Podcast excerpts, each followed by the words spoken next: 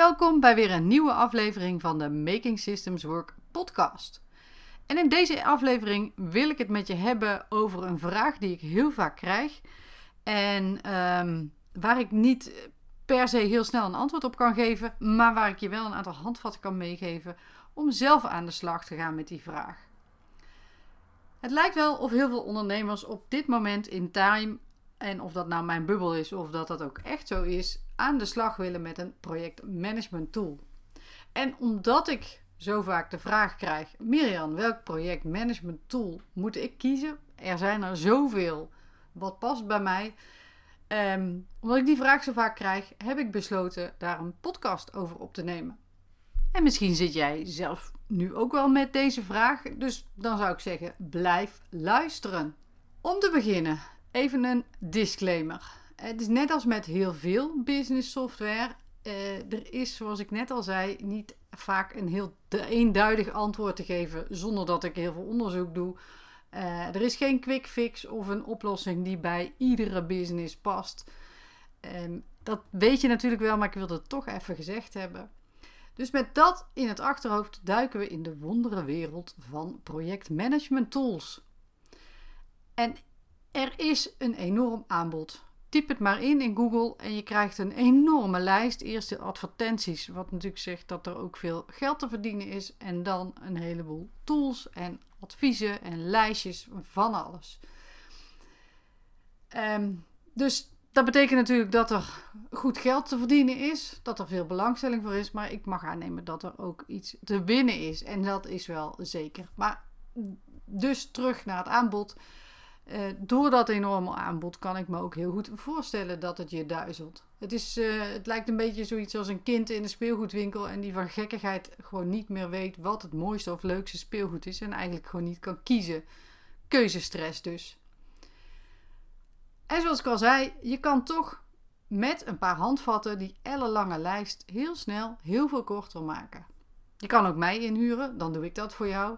En dat kan natuurlijk altijd als je dat wil, eh, neem dan even contact op.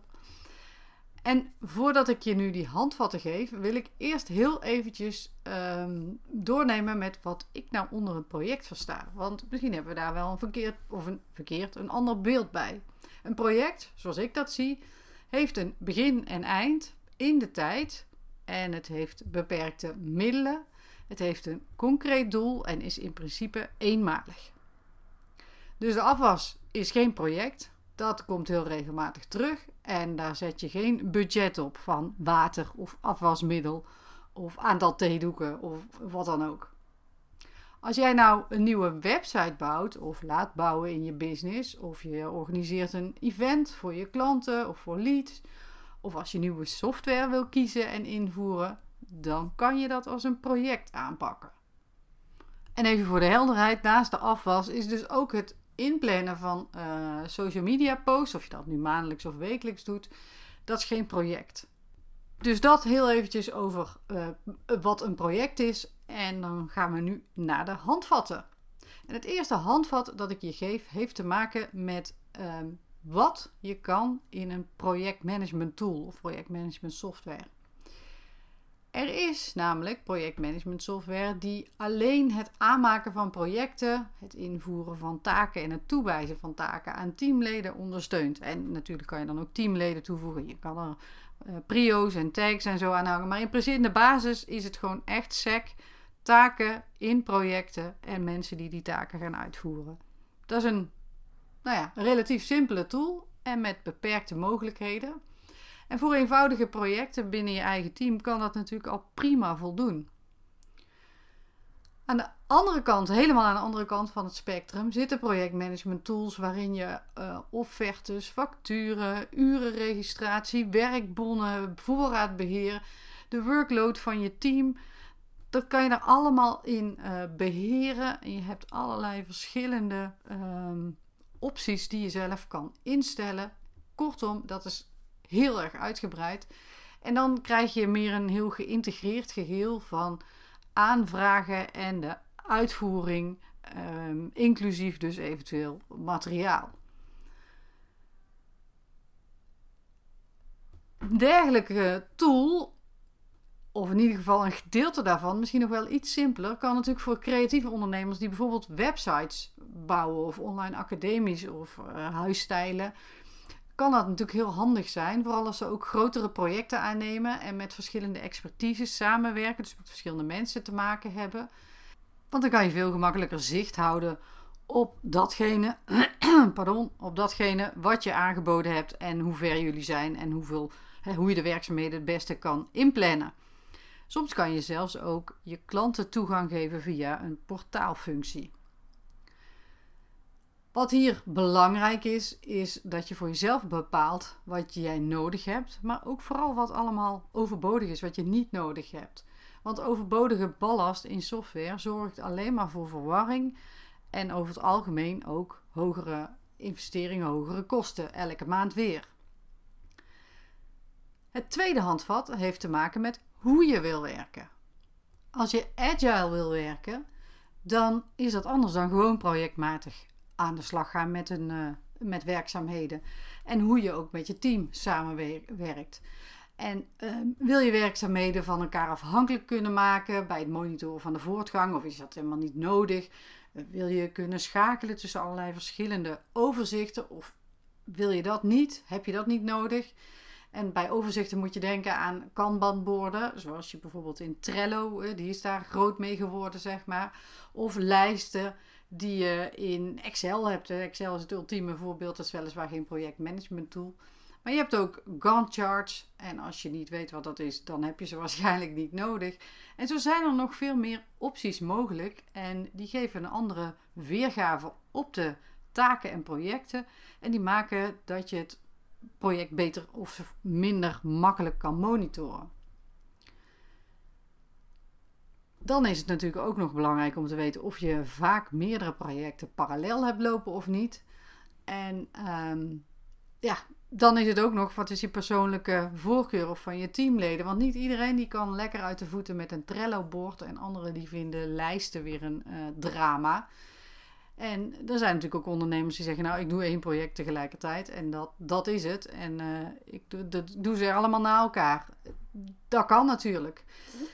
Maar belangrijk weer, als jij voor jezelf goed weet hoe dat bij jou zit en wat jij belangrijk vindt, dan is de selectie van een projectmanagement tool echt een stuk eenvoudiger.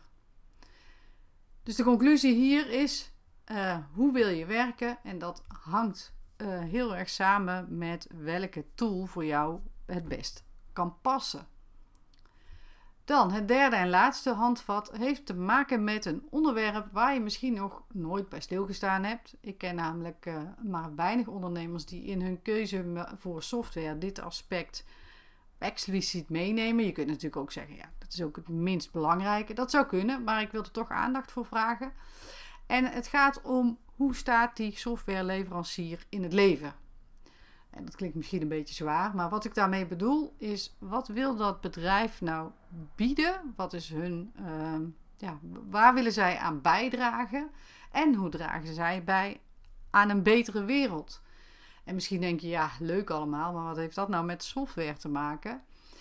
Nou ja, om, om, iets heel praktisch. Software in de cloud draait natuurlijk op servers. En die verbruiken bakken vol met stroom. En jij gaat daar naartoe met jouw laptop of uh, computer of telefoon.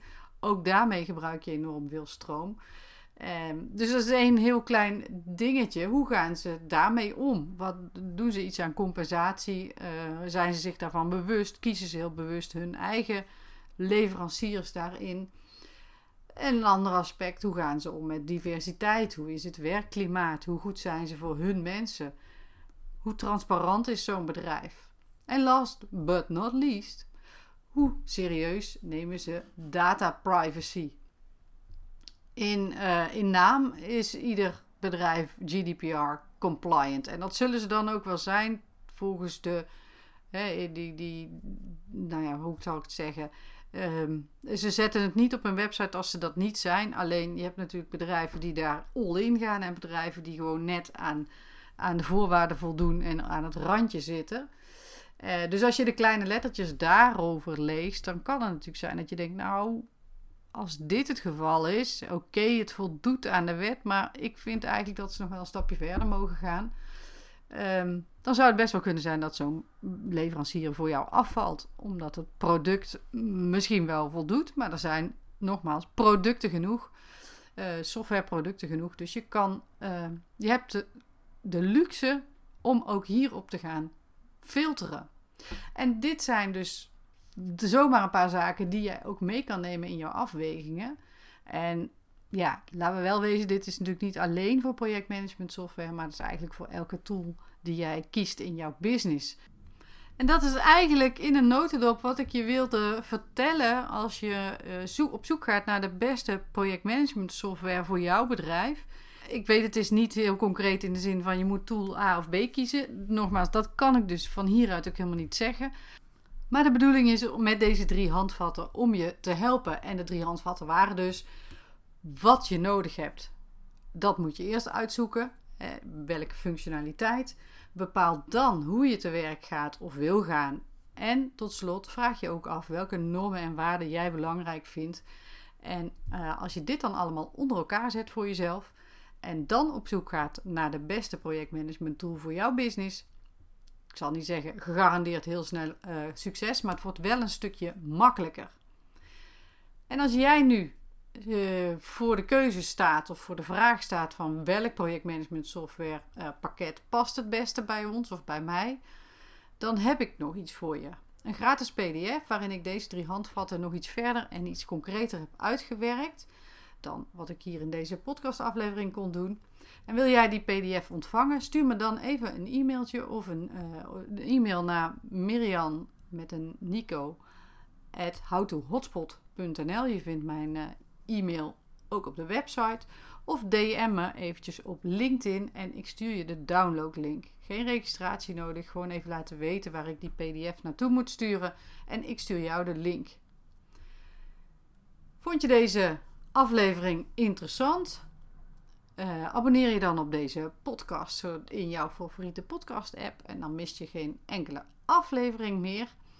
En uh, je mag hem natuurlijk ook altijd doorsturen naar iemand waarvan je denkt: Oh, voor die of die is dat misschien wel uh, interessant om te weten. Voor nu, dankjewel voor het luisteren en ik wens je nog een hele fijne dag, avond of nacht. En tot de volgende aflevering.